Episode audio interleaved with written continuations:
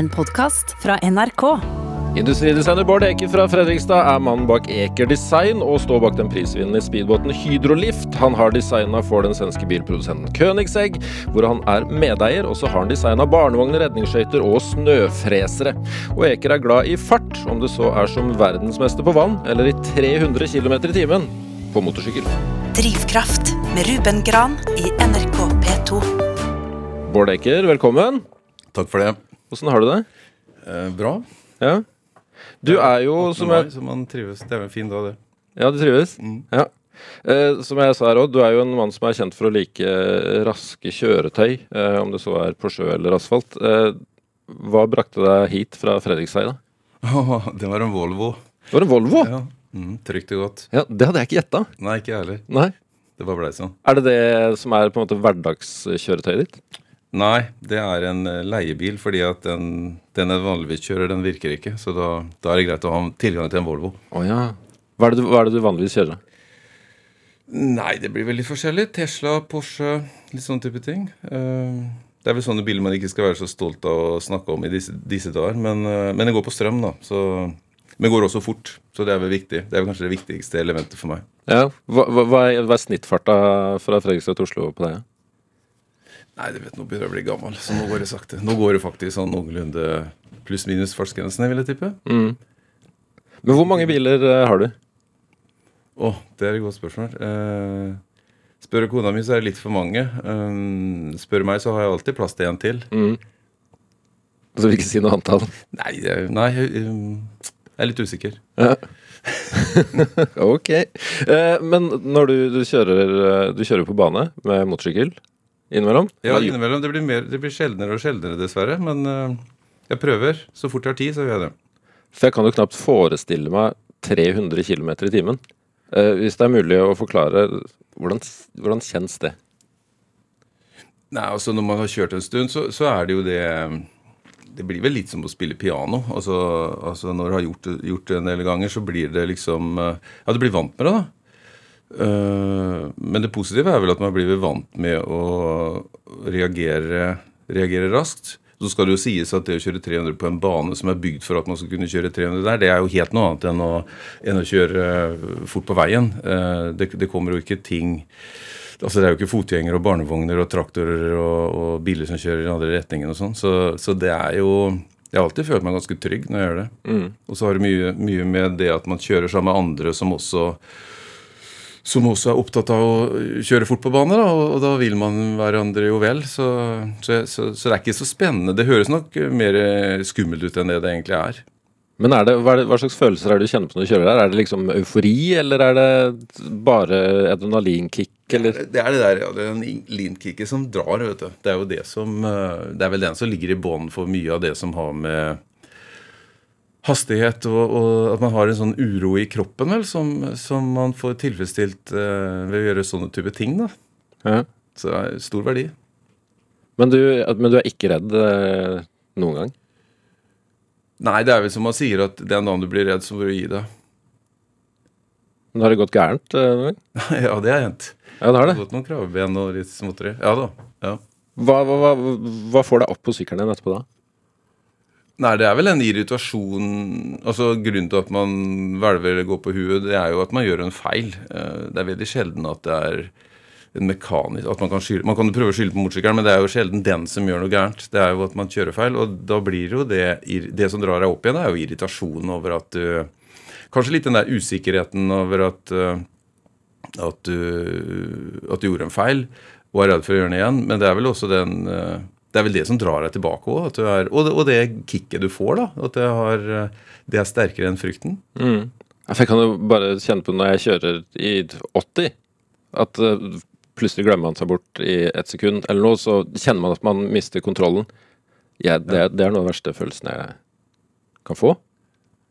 Ja, Det blir jo litt sånn her òg, så man må liksom ha full fokus. Og det er jo det som det er jo det som er eh, det befriende med å kjøre på bane, da, som, som sikkert mange andre hobbyer også. Men jeg har liksom ikke sett for meg at jeg skal spille golf eller noe sånt. Men, men, men greia er jo det at man har ikke tid til å tenke på så mye annet.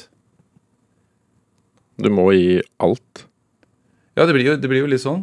Eh, og særlig når man blir eldre, så går det jo saktere. altså Man bruker jo mer og mer tid rundt en sånn bane da, enn det man har gjort før. Og, og den irritasjonen gjør jo også at man, man, liksom Ja, du må henge inn der, liksom. Synet blir jo dårligere, reaksjonsevnen blir jo dårligere. Så man må liksom bare bruker nok mer energi på det nå kanskje enn det, det man gjorde før. Selv om erfaringen vel også gjør at man, eh, at man håndterer det på en enklere måte. da. Så du er forsiktig? Ja, jeg syns det sjøl, Ja.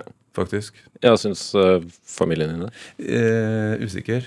Eh, kanskje ikke. Men, men, jeg tror vel det at uh, Det går jo bra. Så det, jeg tror vel liksom at uh, Jeg tror ikke det er sånn frykt for at det skal gå gærent. Og det er som jeg sier, at det skal jeg være ærlig, så er vel større sjanse for at det går gærent når man kjører til Selv i en Volvo kjører på, på, veien til Oslo, mellom Fredrikstad og Oslo, enn en det man kan skade seg på Rudskogen, liksom. Så i og med at det, er stort trykk på, på det med sikkerhet, eh, og alle arrangørene har, har liksom det i høysetet, så det skal mye til for at du altså Det er jo alltid en risiko, det er risikosport, men, eh, men, det blir håndtert på best mulig måte, så, så, så jeg føler meg veldig trygg. Mm. Det er så mange andre òg på E6.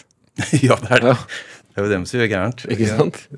Men eh, har du, har du, har du hatt venner det har gått gærent med?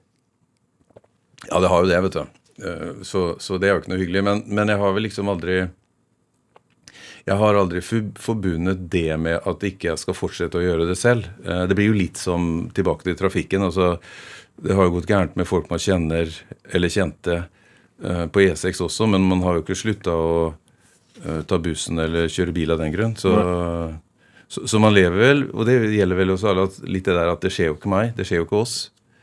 Så ja. Drivkraften. Du hører Drivkraft i NRK P2. Det gjør du, og han som prata under jingeren jeg har stått på litt for kjapt der, det er industridesigner Bård Eker. Eh, viden kjent for å ha designa en skikkelig råtass av en superbil, eh, Königsegg, eh, hvor du også er medeier. Var. Du var? Har du ja. gitt deg? Jeg har gitt meg. Hva, hva kommer det av? Nei, Det var flere grunner. Jeg er vel jeg er jo ute bunn og grunn så er jeg en prosjektfyr, liksom. Eh, det er greit med lange, lange prosesser og lange prosjekter, men, men liksom mesteparten av meg trives vel uh, i kortere prosjekter enn Det tok 15 år, da. Det, var, det, var, en kjempefin tid, og jeg ville ikke vært foruten. Men det blir litt sånn at alt i sin tid, tenker jeg. Og og så er det også sånn at når man engasjerer seg, så engasjerer man seg ofte med hud og hår. og og da, det, da, da, bruker man mye energi på det. Eh, da tar det mye tid. Og, og et, samtidig som man har lyst til å engasjere seg i nye ting. Eh, jeg pleier å sammenligne litt som, litt som det å ha, å ha barn. Altså, eh, man, man, skal liksom passe på altså det, det, kreves mye energi, og så vil man alle barna godt. Og så er det også det at man kan ikke forvente at barna skal bo hjemme til enhver tid. altså Man må liksom slippe dem, slippe dem til slutt. Og sånn blir det med bedrifter også at, eh, at, skal du liksom sitte og tviholde på dem og gjøre alt sjæl og, og, liksom være med på hele reisa, så tror jeg fort du blir uh, din egen bedrifts uh, største bremsekloss. da. Uh, og det er vel et sånn kjent, velkjent gründerproblem, egentlig. At man, gründeren ser liksom ikke sitt eller fi, sitt eget firmas eget beste. da, Og man blir liksom en egoist som, som, på mange måter holder igjen. så det har jeg lært lært av mange andre at uh, det skal man ikke gjøre. Så, og så var det litt, et litt nytt eierskap som kom inn og, og gjorde at, at uh, tiden, tiden, var inne for meg og takk for meg. Så det så Königsegg har blitt voksen og flytta hjemmefra, Bård Eker? Ja, nå går det bra. Det, det, var jo mange år vi slet skikkelig der, men, uh, men nå går det veldig bra. Så, så, da følte jeg vel også at Ja, jeg er vel kanskje litt sånn selvplager, eller hva skal vi si. Uh, syns vel det er morsomt når det er vanskelig. Uh, og etter hvert som det blir lett, så, så er det ikke fullt så spennende lenger, da. Nei. Men vi kan snakke litt om Königsegg likevel. Ja, ja, ja. Yes, det er en viktig del av, vikt, veldig viktig del av min uh, min historie uh, og, og, våre erfaringer. altså I Eker Design og Eker Group, uh, hvor, hvor, vi gjør alle disse tinga, så, så, har vi lært veldig mye av bl.a. Königsegg. Mm. For, for, dem som ikke er helt klar over hva det er, kan du, kan du forklare? Hva, hva, er en Königsegg? Det, det, det, er jo en uh, svensk supersportsbil lagd av hva skal vi si, ekstreme materialer. Rett og slett konstruert fra bånda for å bli verdens raskeste bil. Så er jo det en, en eh, Altså, når man, når man, setter seg noe sånt fore, så vil det jo alltid være, bli en skal si, bevegelig mål. fordi det fins jo andre konkurrenter der ute også som, som prøver å gjøre det samme og har mer eller mindre det samme målet. Så, så bare for at du lager verdens raskeste bil én gang, så vil jo ikke det si at du har det, har det helt evig. Så det, er, det, krever jo at man, er, at man utvikler hele tiden noe nytt. Og, og det noe nytt det kan jo være forskjellig fra år til år og sted til sted, fordi at det kommer en ny konkurrent som, som har gjort noe annet i mellomtida. Så det er jo en ongoing prosess, da, og det er, sånn, det er, jo det som gjør at sånne ting er morsomt å holde på med. og og litt det også at det her skjedde i Sverige. Hvem hadde trodd uh, i landet hvor man liksom har Volvo, Saab og knekkebrød, at man skulle klare å lage verdens raskeste supersportsbil 100% i karbon. altså Bare det var jo en umulighet som gjorde at det var uh, veldig morsomt og interessant å være med på. Ja, jeg skulle spørre deg, Hva var det som liksom dro deg til det den gang? Nei, Som alt annet så var det tilfeldig. Um, traff Christian von Königsegg, som er grunnleggeren av Königsegg, um, via faktisk en underleverandør. Kinesisk sådan. Uh, jeg må jo innrømme at jeg er jo altså, skal ikke si, snakke stygt om noen, men, men jeg, jeg, ser jo på kinesere som våre store konkurrenter og vil gjerne at vi skal vinne den uh, kampen. Uh, og men det var faktisk en kinesisk eh, karbonleverandør som, eh, som var den som førte oss sammen, fordi at han prøvde å selge inn sitt materiale og sine tjenester til både Königsegg og Hydrolift samtidig. Og, og ble naturlig at vi snakka sammen. og Det ble ikke noe av den kinesiske produksjonen, men, men, eh, men vi samarbeider jo godt, Christian og jeg, i 15 år. da. Hva, er, det, er det fremdeles verdens raskeste? Eh, det kommer litt an på hvordan du måler. Altså, ja. Hvis man tenker topphastighet, så, så, er den vel eh, fortsatt eh, den raskeste. Uh, akselerasjon, så blir det fort en sånn grensesetting med hva slags type biler skal man måle det mot. Hvis man måler mot uh, altså registrerbare, uh, såkalt masseproduserte biler, så tror jeg fortsatt også det er den raskeste. Hvem er det som kjøper, kjøper Koenigsegg? Det er folk. Mm -hmm. Jeg holdt på å si folk flest, men det er veldig Det er kanskje ikke det. Men er ikke folk flest ligger på 25 mil? Ja, og oppover. Oppover, ja. Men det er eh, det er fryktelig mange mennesker i verden som, hvor det er lite penger.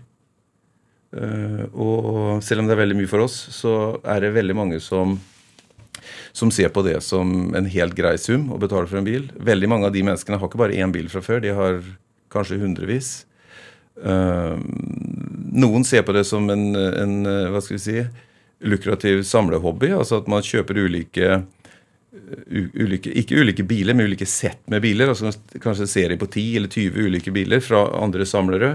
Setter det sammen på en annen måte. Uh, bestykker det forskjellig.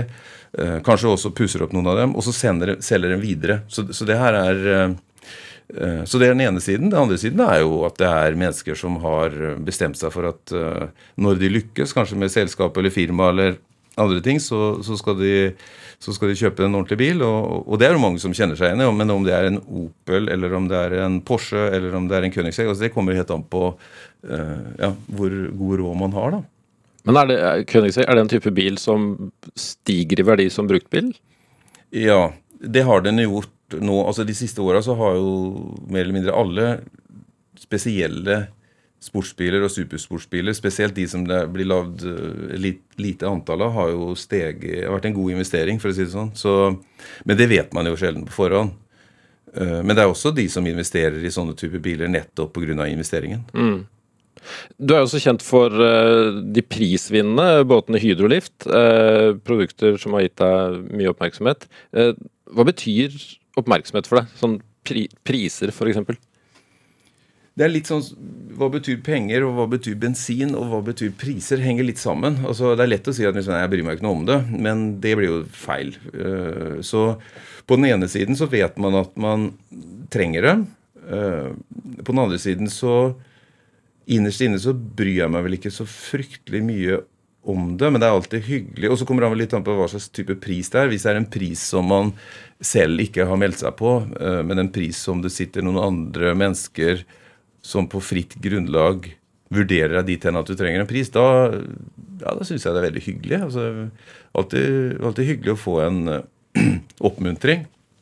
Men jeg er jo en person som egentlig aldri blir fornøyd. Så, så jeg, jeg, jo, jeg, får jo like stor oppmuntring av at jeg håper å si ikke får en pris, eller at noen sier at nei, det får du aldri til, Bård. Da, ja, da er det noe faenvoldsk i meg som, som liksom drar, drar dit hen at skal, da skal jeg i hvert fall få det til. Så, men det er vel den kombinasjonen, da. Eh, og, så, og, så, og, det er det ene. men Det, det er jo meg som person. Men selskapene mine trenger jo priser. Selskapene mine trenger jo anerkjennelse og, og det å bli sett på og og lagt merke til. Og nå i disse tider hvor, hvor eh, kan vi trygt si at liksom når vi lever i en ganske aggressiv markedsføringsverden, hvor vi blir bombardert av uh, reklame, PR altså, altså, De ulike selskapene rundt omkring og, og businessene vil påvirke oss til å kjøpe det som uh, de tjener penger på. Og er man ikke med der, så blir man jo ikke vurdert. Uh, så, så, man må være synlig. Mm. Hvor, uh, hvor, ofte er du på sjøen? Ikke ofte. Uh, det er vel stort sett når vi skal eh, prøvekjøre en båt, teste noe nytt. på sommeren så, så selvfølgelig så, så, så, kjører vi litt med familien, litt sånn, men jeg er ikke noe typisk båttype. Ja, Du er ikke det? Nei. Så du, du tar, ikke med deg, tar ikke med deg folk ut på sjøen for å slappe av, liksom? Uh, jo, det er når andre vil slappe av, uh, men ikke for, for, min egen del. uh, få år etter at du overtok Hydrolift, så, så brant lokalene ned. Ja. Hvor, hvor, mye var det som forsvant da? Alt. Alt. Hvor, hvor mye snakker vi i verdier? ja som du skjønner, jeg er ikke så opptatt av penger. Men eh, alt som tilhørte den fabrikken, inklusive produksjonsformene, inklusive noen ferdige båter, inklusive noen kundebåter, uh, inklusive et komplett varelager Det her var jo den 5.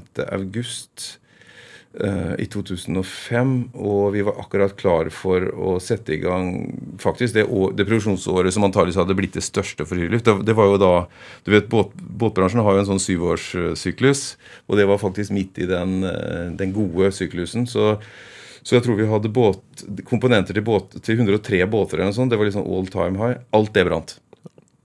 Hvordan takla du det? Ja, ja jeg takla det vel i og for seg greit, men det var jo et ordentlig trøkk. Uh, det var liksom kjipt. Og det, det kjipe med det var at uh, vi måtte gjøre det en gang til. Altså vi måtte repetere Når vi hadde bestemt oss for at vi Og det gjorde vi jo ganske fort. Uh, når vi hadde da bestemt oss for å bygge opp igjen, så måtte vi jo begynne med å bygge opp de samme båtene. Det, altså det fantes jo ikke noe produksjonsutstyr lenger, så vi måtte jo bygge om uh, former, uh, bygge opp liksom alle fiksturer, alt det her. Og det er først da man skjønner hvor mye tid man har brukt den første gangen. Og så skal man gjøre det en gang til. og i tillegg så kommer du liksom ikke noe videre. Altså, jeg, jeg, er vel den typen som er skrudd sammen sånn at hadde vi kunnet gjort, liksom gjort, gått et skritt videre, så hadde jeg sagt at ja, men fint, da kommer vi i hvert fall et skritt videre. Men på mange måter så, så måtte Den reproduseringa var liksom tøff. Uh, for da skulle du kopiere deg sjøl. Uh, eh, og det som kanskje var den viktigste årsaken til at vi i hele tatt valgte å fortsette, det var jo at uh, det var jo de kundene. Den feedbacken vi fikk fra kundene, at de ville de ville, ha, de ville, fortsette å kjøpe båter av oss. Og, og, det var jo også mange der som trengte reservedeler, liksom. Og, og, det var jo grunnen til at vi måtte ja, gjenskape de samme modellene en gang til. Så det var vel det, var tøffe. Og, og, så i flere år etterpå så tenkte jeg hele, hele tida på og det, det, blir jo bare en dum tanke, men det blir vel litt sånn man, gjør, man tenker kanskje at uh, hvor langt hadde vi vært nå hvis ikke det hadde vært for den forbaskede brannen? Så det blir litt sånn som når ungene mine spør når vi har glemt noe ute og kjører bil, og så må hjem igjen. Og, og, så er vi på veien igjen, så spør jeg at ja, hvor lang tid hadde vi vært nå hvis vi ikke hadde måttet snudd?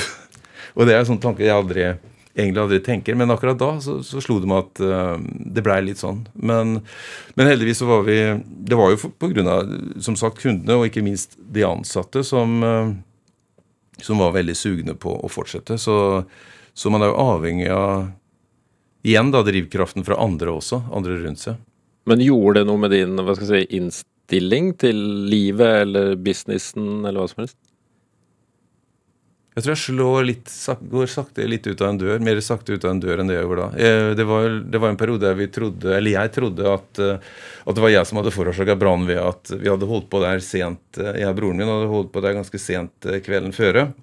Fordi at vi skulle opp til Trondheim og kjøre VM i, i offshore racing.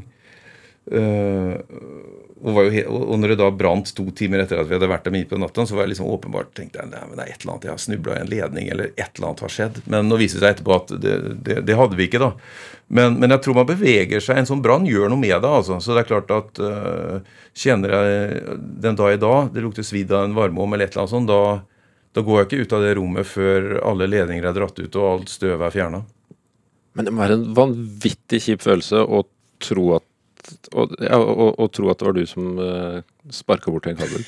ja. ja, det var liksom jeg eller broren min, så da hadde det egentlig vært bedre hvis det var jeg enn, om det hadde vært han. Uh, ja, det var jo det litt det. Der, men, men der må jeg jo der må jeg skryte av både politiet og ikke minst forsikringsselskapet, som var veldig proffe. For jeg tror, jeg tror, de så at vi var litt slått ut når vi, når vi sto og så på at alt sammen brant ned. Eh, men de var veldig Det var åpenbart at de var profesjonelle, og de hadde vært med på det her før. Så, så de Jeg følte meg aldri mistenkt, eller jeg, aldri, jeg følte aldri at jeg hadde gjort noe gærent. Nei.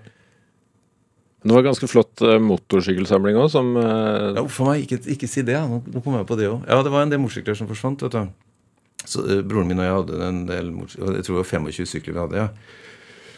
Og så viste det etterpå at forsikringa var tatt av, fordi vi var midt i en sånn prosess hvor vi hadde hyra en megler som skulle se på alle forsikringene. Og de hadde begynt litt i feil ende. De hadde sagt opp forsikringene før de hadde tegna nye.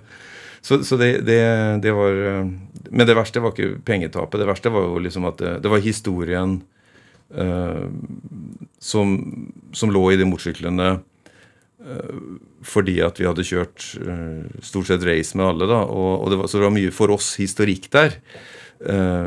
som jo igjen på en måte kanskje bringer oss tilbake til liksom hvorfor man blei industridesigner, og hvorfor man valgte å holde på med motorsykler. fordi at det er den sjela Altså Jeg har alltid vært besnæra av når du setter sammen et sett med komponenter som egentlig bare er mekanikkomponenter som skal hver for seg gjøre en jobb, og så setter du dem sammen i en gruppe som et produkt, som f.eks. en motorsykkel.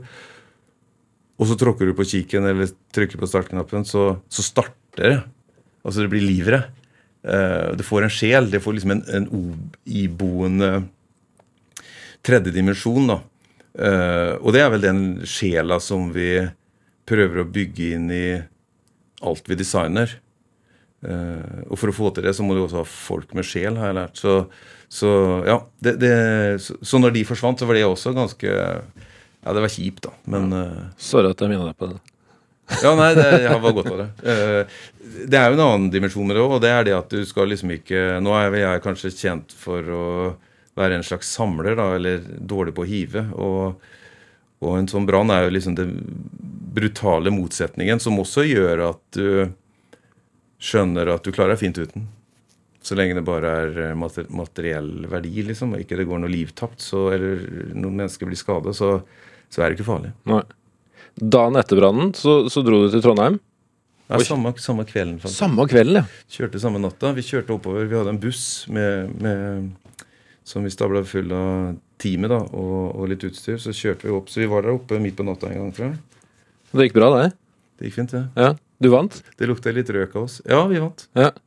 Tok du med deg liksom noen følelser fra det faktum at det hadde brant ned i det racet, tror du?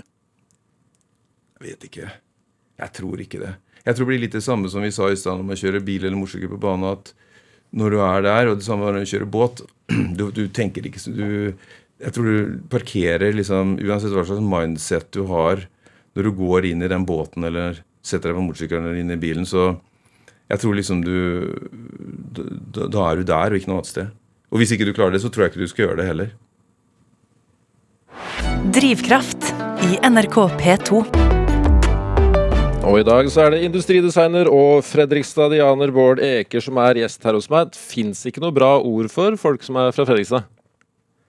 Frekstadfolk? Nei, Frekstad det gjør vel ikke det. Det høres ikke så veldig bra ut. det, Nei. Finn på noe bedre. Ja. Har ikke, det, det, har du ikke designa ennå? Nei. jeg så at de slet i Fredrikstad Blad med å finne et ordentlig ord. ja. ja. nei, jeg er vel ikke så god på sånt heller, tror jeg. Så det fins nok andre som kan gjøre det bedre. Ja. Eh, du er jo født og oppvokst i Fredrikstad. Hvordan var, eh, hvordan var oppveksten eh, din der? Det var fin. Det var bra. Jeg hadde to foreldre som var, begge var brukskunstnere fra Pluss i gamlebyen. Eh, og ja, det her var jo på 60-tallet, og det var liksom Tenker tilbake, så det var en fin tid. Uh, trygg oppvekst i en lita blindgate på, på østsida, ikke så langt fra gamlebyen. Uh, men det var jo på 60-tallet, da, og, og det skjedde jo mye. Men ikke hos oss, følte jeg. Altså, Alle naboer fikk jo inn TV, og etter hvert farve-TV. Og alle hadde bil. Eh, mora og faren min var ikke så opptatt av det. Eh, de jobba mye. Eh, men, men det var liksom ikke sånn så veldig opptatt av det, den tekniske utviklingen. Så, så jeg innbiller meg liksom at jeg bygde opp et sånn, et sånn vakuum. da. Eh, alle andre kjørte Angliaer og Amazoner, og vi måtte liksom sykle ut til Hanke og bade, husker jeg. Var jo like svett. Det tok jo halvannen time hver vei. Jeg var jo like svett, svett når vi kom tilbake. Og de andre kjørte bil, da. Med sånn nikkehund. Husker du den nikkehund som sto i hattehylla? vet du. Så det var alltid et sånn der irriterende moment når man ble forbikjørt av, av noen naboer som drev og vinka i baksetet. Og sånn der nikkehund da, som drev og nikka, og vi sykla og sykla og sykla. sykla. Men uh, jeg tror liksom det, det gjorde vel noe godt, uh, godt også. Uh, og som sagt, jeg tror liksom den der teknologiunderskuddet jeg fikk da, det har vel kanskje vært litt den del av den drivkraften jeg har hatt med meg som eldre. da, Ved at man hele tida skal holde på med noe som er komplekst, og, og hele tida lage noe nytt.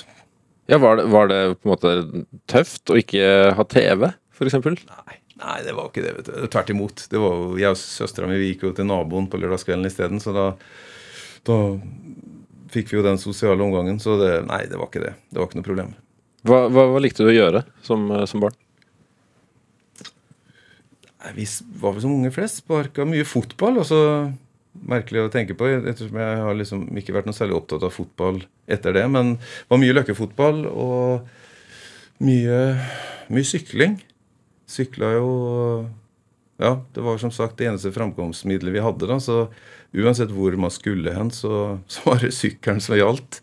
Så, så når man først fikk lappen og begynte å kjøre motorsykkel isteden, så parkerte jeg den sykkelen, så det tok lang tid før jeg begynte å sykle igjen. I hvert fall frivillig. Så ja. Ja, nå, nå, hvor gammel var du da du begynte å kjøre motorisert? ja litt før jeg skulle, men uh, jeg fikk jo lappen da jeg var 16. Da. Og etter det så har jeg kjørt motorsykkel. Ja, det var liksom det, Da åpna det seg også en helt uh, ny verden, for da kunne man jo i, i prinsippet kjøre hvor man ville. Og jeg håper å si det gjorde jeg vel. Så kjørte mye motorsykkel. Ja, hva, hva var det du falt for med motorene?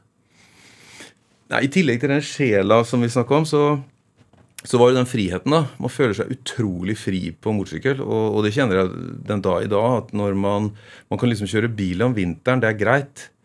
Eh, Men eh, når man først, når våren kommer og man setter seg på motorsykkelen og kjører, selv om det bør ikke være returen, turen, så får man liksom man får luft man, ja, man opplever verden på en helt annen måte, syns jeg.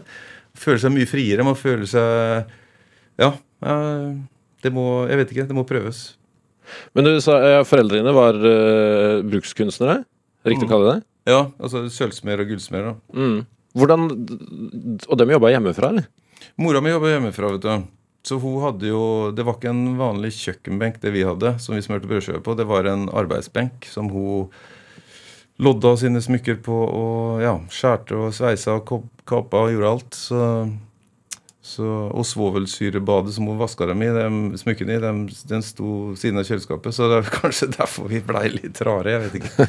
Men det var i hvert fall Det var liksom sånn det var. Eh, tenkte ikke på noe annet. Så hun holdt på sånn eh, hele, hele perioden mens vi var, vi, vi var små. Så fikk hun seg et verksted i gamlebyen etterpå. Men, men hun var jo den som sammen med Tone Vigeland lagde alle modellene til Pluss-produksjonen. Og så var det fattern som håndterte produksjonen på Sølvstia. Eh, Så, så de jobba jo mye. Jobba tett sammen og, og jobba mye. Jobba hele tida. Hva har du tatt med deg fra å se dem i aksjon? Nei, litt av det, tror jeg. Litt av det å ja, jobbe mye. Gjøre ting, skape ting. Uh, ja, se gleden i det, liksom. Jeg, jeg ser gleden i å gjøre ting. Uh, jobber ikke for at jeg må, men at, for at jeg vil. Men du hjalp til litt òg, gjorde du ikke det? Jo, da jeg var liten, så, så smidde jeg noe I skoleferien så smidde jeg noen sånne armringer, blant annet. Det var eh, Pluss var jo et eh, var jo et viktig hva skal vi si, samlingspunkt i, i, i gamlebyen i Frøystad. Og det var jo veldig mye turister der da.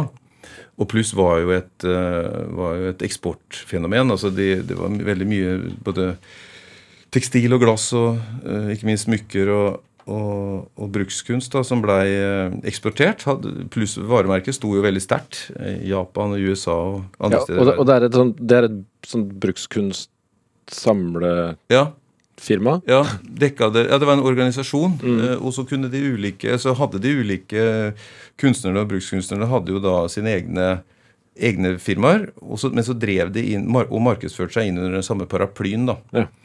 Eh, og den uh, På 60- og 70, begynnelsen av 70-tallet så var jo det ja, det var viktig virksomhet. Uh, og, og det var mange turister som kom, strømma til, og da var det viktig at man liksom hadde åpne verksteder. og som en del av det så sto jeg da som Jeg vet ikke hvor gammel jeg var. jeg var ikke gamlegutten, 8-9-10 år kanskje. Og sto og banka, Så hadde jo fatter'n vist meg åssen Det var jo ikke så fryktelig vanskelig når man kunne det. Så, man, så jeg sto der og smidde armringer. Og det syns jo de her amerikanske turistene med kamera på magen var veldig interessant. Hva var første ordentlige jobben din, da? Uh, er det ordentlig å gå med aviser? Ja, så lenge du tjente penger, så. Jeg tjente 50 kroner uh, måneden. Jeg gikk med Demokraten. Uh, og da følte jeg meg rik hver gang jeg fikk månedslønning. Og så bygde de ut ruta, så gikk jeg opp til 75, og da følte jeg meg stenrik. Så, men jeg var ikke så gammel. Men, eh, men det var liksom, jeg var veldig stolt av å ha den jobben. Da slapp jeg å gnåle på mora mi om, om ukepenger. Så det Ja. Det var en viktig del. Hva, lik, hva likte du å bruke de penga på? Motorsykkelblader. Så det var, det var så tidlig, ja. Ja. ja. Ja. Ja, det var viktig. Det var en viktig del av det. Du skal ta oss tilbake til Fredrikstad en tur nå, du. Til da du var rundt ni, har jeg skjønt, og hørte Black Sabbath. Ja. ja, det er ikke så lenge siden. Hva, hva, hva, er den låta her for deg?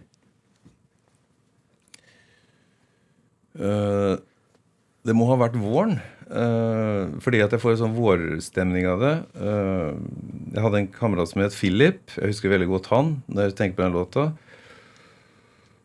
Og så må jeg ha hatt en motorsykkel Jeg tror jeg hadde en Honda 100 um, da. For jeg får liksom dem, de, Det er de bildene jeg får da. Og platåsko. og kålfløy, brune kålfløyelsbukser. Det er liksom det bildet jeg får. Hva, hva var det du falt for, da, med, med Paranoid? Jeg vet ikke, Det var jo en av de låtene som vi spilte jeg tror, jeg tror den platene jeg tror, jeg, tror, jeg tror ikke den platene lever lenger fordi at de er utslitt. Altså, jeg tror liksom det var Det var den uh, som platespillerstiften gikk mest til, liksom. En av de låtene der. Og Deep Purple og Uriah Heap og Ja. Alt det der sånn. Rolling Stones etter hvert. Og, ja, mye bra musikk fra, fra en god tid. Bård Eker er eh, dagens gjest her i Drivkraft på P2. Og det er han som gir deg Black Sabbath sin Paranoid.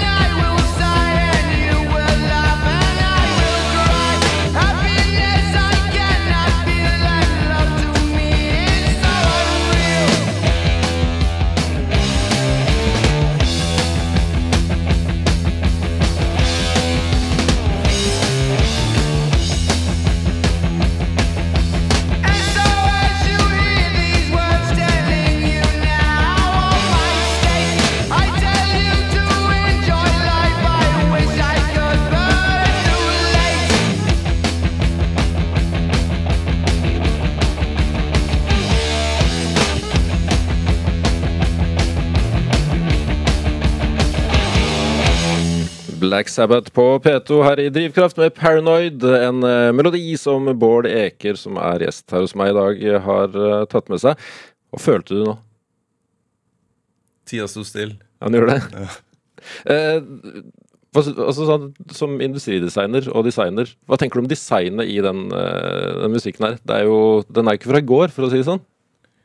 Nei, jeg vet ikke. Det, det, det blir jo litt spesielt. eh, Jeg var jo der når det skjedde, holdt jeg på å si. Var, den er jo liksom fra min tid. Eh, Men jeg ble overraska over eh, når sånne typer låter fra den tida blir spilt igjen, så ser man at yngre mennesker som garantert ikke var med på det da, fortsatt syns, syns disse låtene er gode. da. Og da er det jo et eller annet der som jeg vet ikke om det var bevisst av de som kreerte de låtene, eller om det bare blir sånn, liksom. Men ingrediensene de har brukt, er jo, er jo klart at de står, da. eh, Etter mange år. Og, og det er vel litt det som, som man som industridesigner prøver å få til. òg. alle alle som designer noe eller lager noe eller skaper noe, vil jo at det skal vare, liksom. Vare lenge, og at flest mulig skal bruke det, flest mulig skal like det.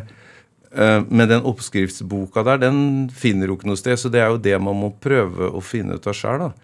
Eh, Og Black Sabbath-gutta var, var jo også flinke til det, da, som en del andre. Rolling Stones og Deep Purple, og liksom du hører igjen, så fasene er like fine nå, vet du. Holder seg godt. Ja, I hvert fall musikken, si. ja. Ja. Ja, ja, noen av gutta har jo klart seg relativt bra òg, de som har overlevd.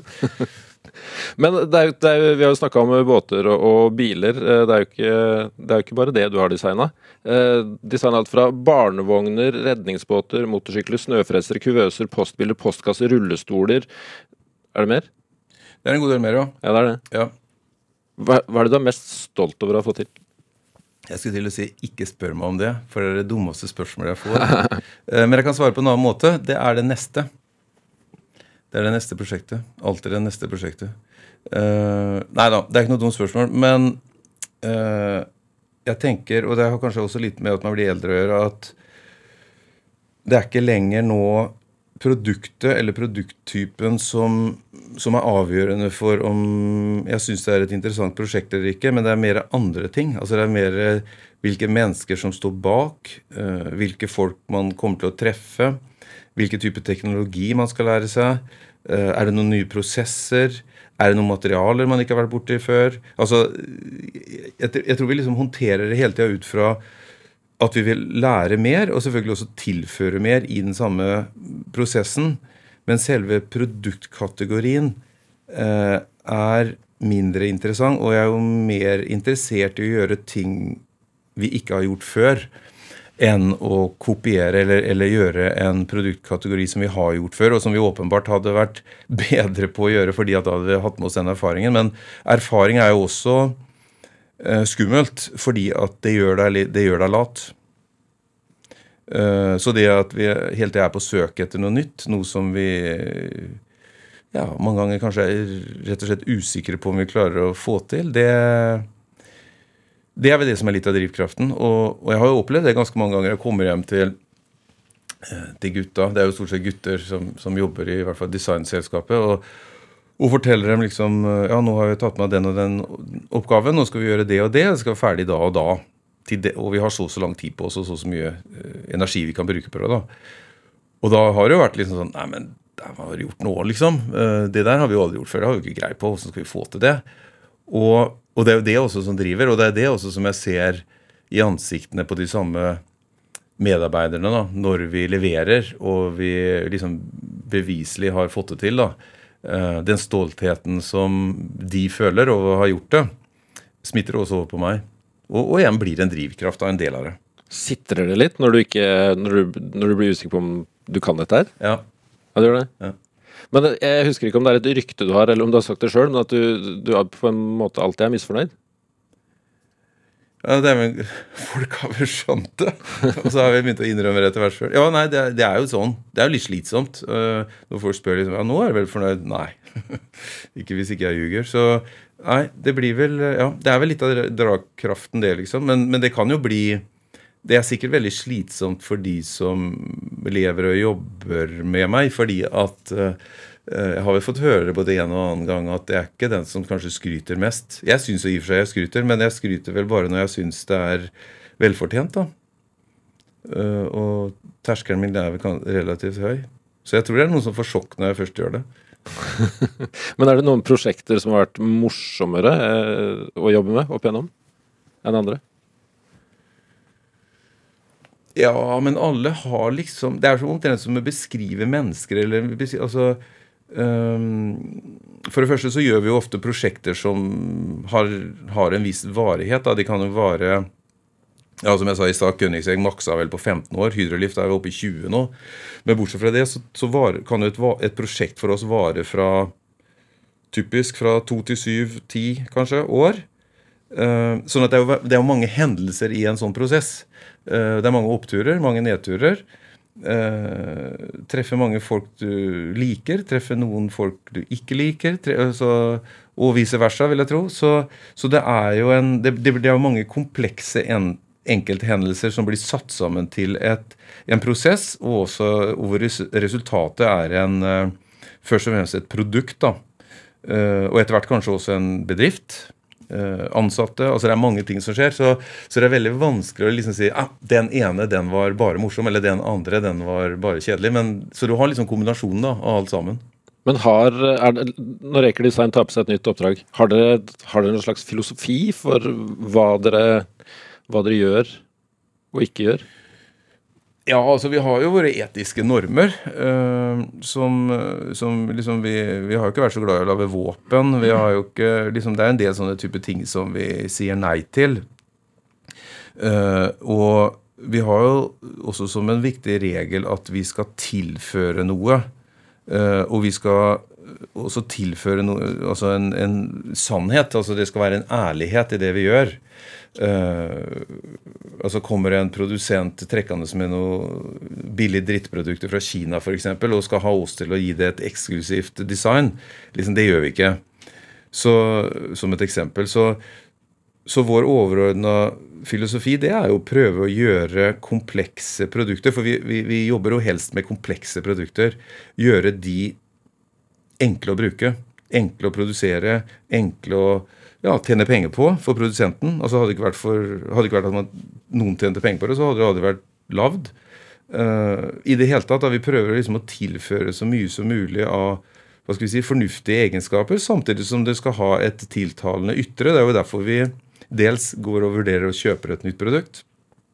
Men at man også skal, brukeren skal også være stolt av det og vise det fram, uavhengig av hva slags type produkt det er. Om det er et teknisk produkt, så, så, så, så kommer også fram det her med å prøve å finne en slags skjønnhet i, uh, i selve formen, og, og også ikke minst det at man framhever produktets funksjon. Da, og gjør det enklere som sagt, å, å, å bruke og håndtere og serve og vedlikeholde. og liksom Man må tenke på hele alle livssyklusene til et produkt, da, som, som også gjør det bærekraftig. Og, og som gjør eh, og, og at man bruker mest mulig naturvennlige ikke bare materialer, men også prosesser. da. Uh, ja, I det hele tatt uh, tilfører produktet så mye Så stor dose med fornuft som mulig. da. Ikke gjør dumme ting. Men designer du fortsatt, eller er du mer sånn uh, puppet master eh, som holder i prosjektene? Det var et nytt ord. Det skal jeg begynne å bruke. Uh, jeg er nok puppetmasteren. Altså, det, er jo det er jo lenge siden jeg ble forbikjørt både på modellverkstedet, i tegnestua, i CAD-verktøyet. Liksom, uh, men, men jeg har vel den fordelen eller ulempen med at jeg har gjort det jeg har gjort det sjøl, og så har jo de andre kollegaene mine uh, tatt meg og passert meg for lengst. Så, så min oppgave nå er jo å bruke de som mine høyre og venstre hender. da. Eh, og, og, og høyre og venstre hjernehalvdeler òg, for den saks skyld. Så de er jo både flinkere og smartere enn meg, hele gjengen. Så eh, ja, som en del av den prosessen. Det var en som sa til meg jeg, jeg tror liksom For lenge lenge siden da jeg begynte for meg sjøl, så, så hadde jeg vel egentlig ikke planlagt å ha en eneste ansatt. Eh, og etter at jeg var ferdig med kunst- og håndverksskolen, så husker jeg liksom at jeg hadde en jeg hadde relativt høy selvtillit etter å ha gått der. Det var et fantastisk sted å gå. Og lærte utrolig mye og fikk utrolig mye bra inspirasjon. Eh, og, og da tenkte jeg liksom så at, eh, at jeg skulle klare å gjøre det her mest mulig sjøl. Og, og sitte liksom i mitt modellverksted og slippe å ha så mye med folk å gjøre. Og bare lage verdens beste produkter, liksom. Og så skulle, skulle de selge seg sjøl, og så skulle hvem som helst kunne bygge dem. Eller produsere dem. Og det skjønte jeg, og jeg var vel nesten ikke ned i den store, fine trappa i Ullevålsveien 5 der, for jeg skjønte at det ikke kom til å funke, og at jeg tvert imot måtte lære meg alt om prosesser og materialer og produksjonsteknologier og hvordan man skulle håndtere folk og regnskap og selskap og alt det der sånn. Så for meg egentlig var det en, hva skal vi si, en omvei. Jeg ville liksom bare gå rett på produktet. Men, men skjønte da at jeg måtte begynne en sånn kunnskapsreise. Og det er jo den kunnskapsreisa jeg holder på med ennå, liksom. Etter eh, 35 år. Så jeg tror ikke jeg er halvveis ennå. Jeg skulle si, jeg tror du kommer frem. Nei. Nei. Nei. Aldri i verden. Så her blir man aldri god på Man føler vel tvert imot at man blir bare dummere og dummere. Så jo mer man kan, mer man lærer, jo, jo, jo, jo mindre Dårligere blir vel egentlig selvtilliten. Og det tror jeg vel også er litt min styrke. At jeg har, selvtilliten min er nok ikke så heidundrende stor, liksom. Så, så jeg vil jo hele tida prøve å bli flinkere og bedre og lære meg noe jeg ikke kan fra før. da. Hva slags folk er det du ansetter, da? mest mulig ulike meg selv.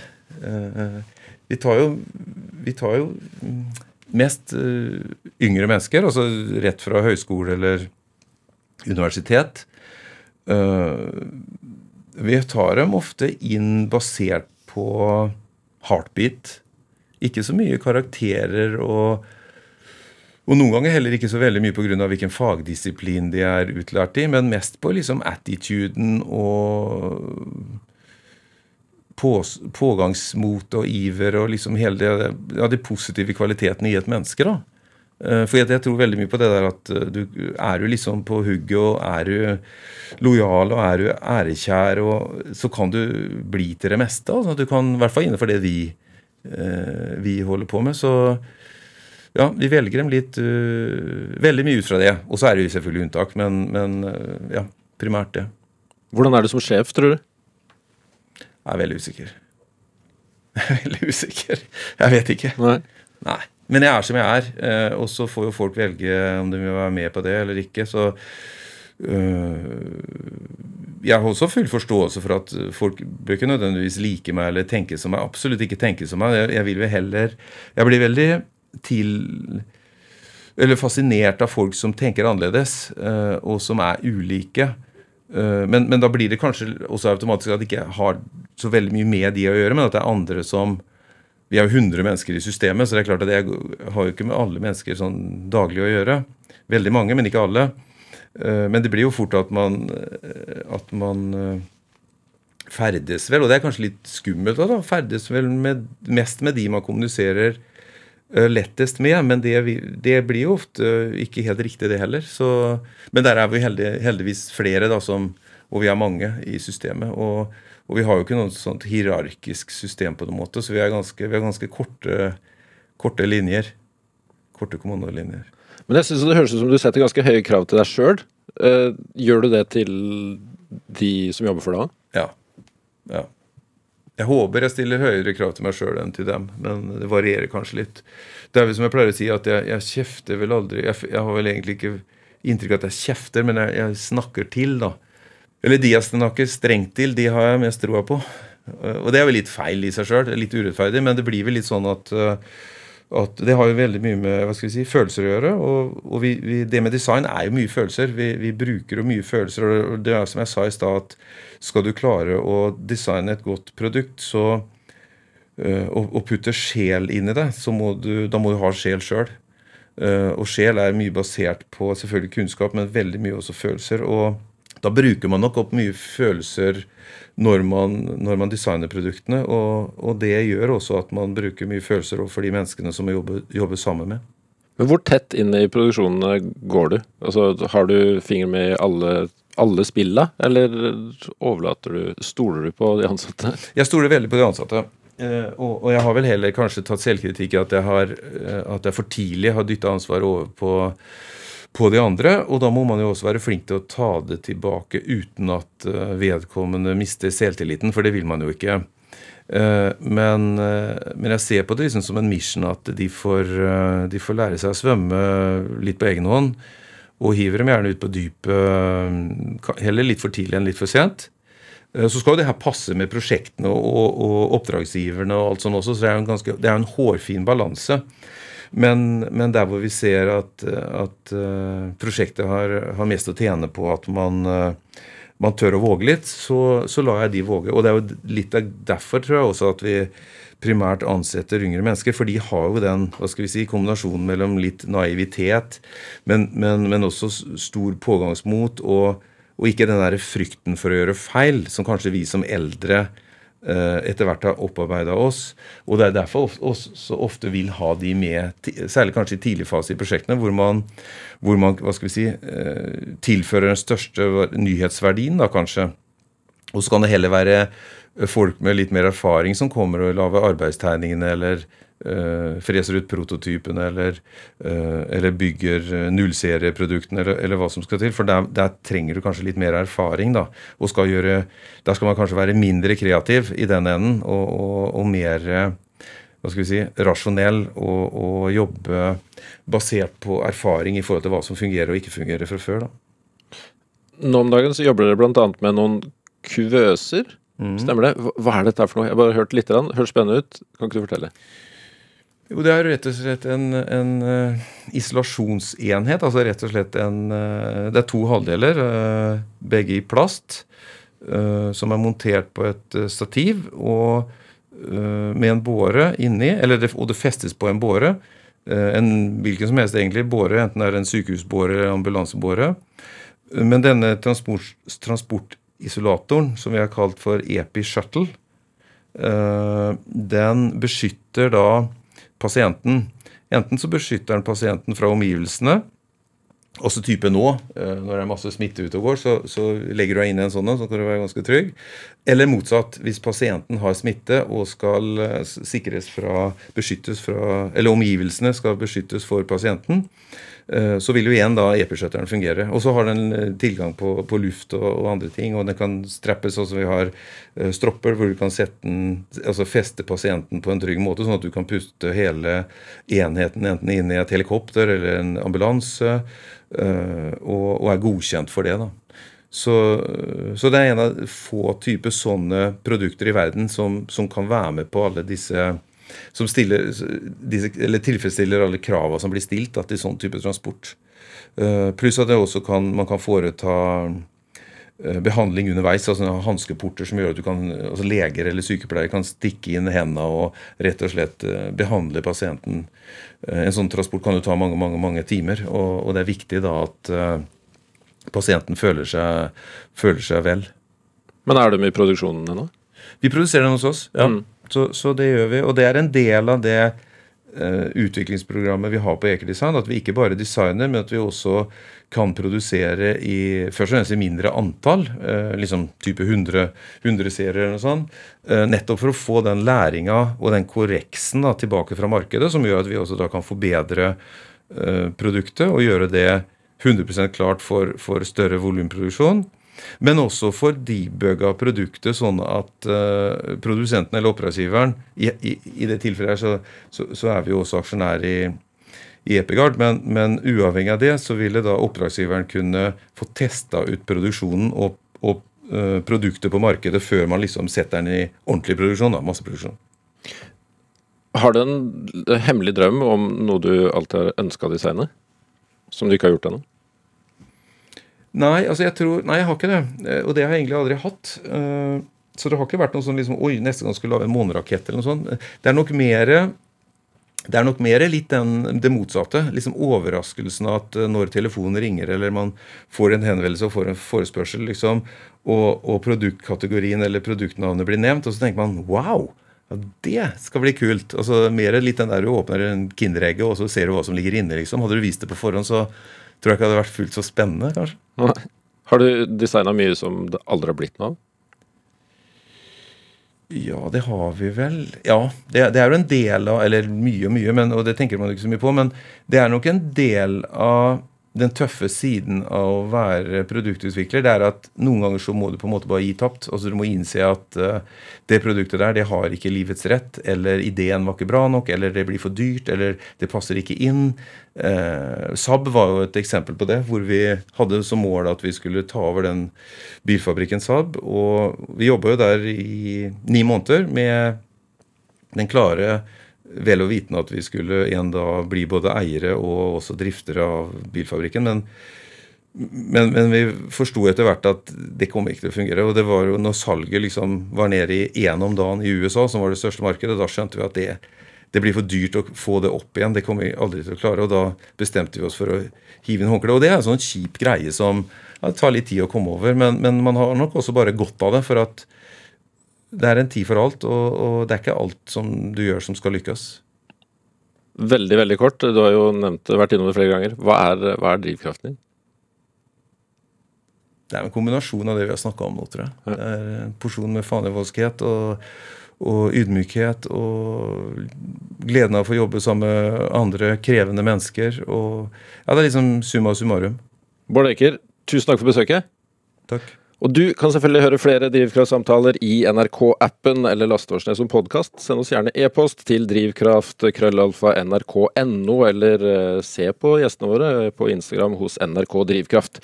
Produsent og research ved Ellen Foss Sørensen. Uunnværlig hjelp fra Anne Sofie Stang. Jeg har vært Ruben Gran. Du store alpakka! Før så samla vi oss for å høre på radio. Nå lytter vi på hva vi vil, når vi vil, og mest for oss sjøl. Podkast fra NRK. Vi lytter for å fylle ventetid, bli underholdt, oppdatert og litt klokere. Vi lytter for å la oss bevege av sterke historier. Eller bare av musikk. Så selv om mye har forandra seg, er det viktigste som før. Podkast og radio samler oss. For selv om vi nå lytter mest for oss sjøl, er vi aldri aleine når vi hører på. NRK Radio. Vi hører sammen. Hør podkaster og din NRK-kanal i appen NRK Radio.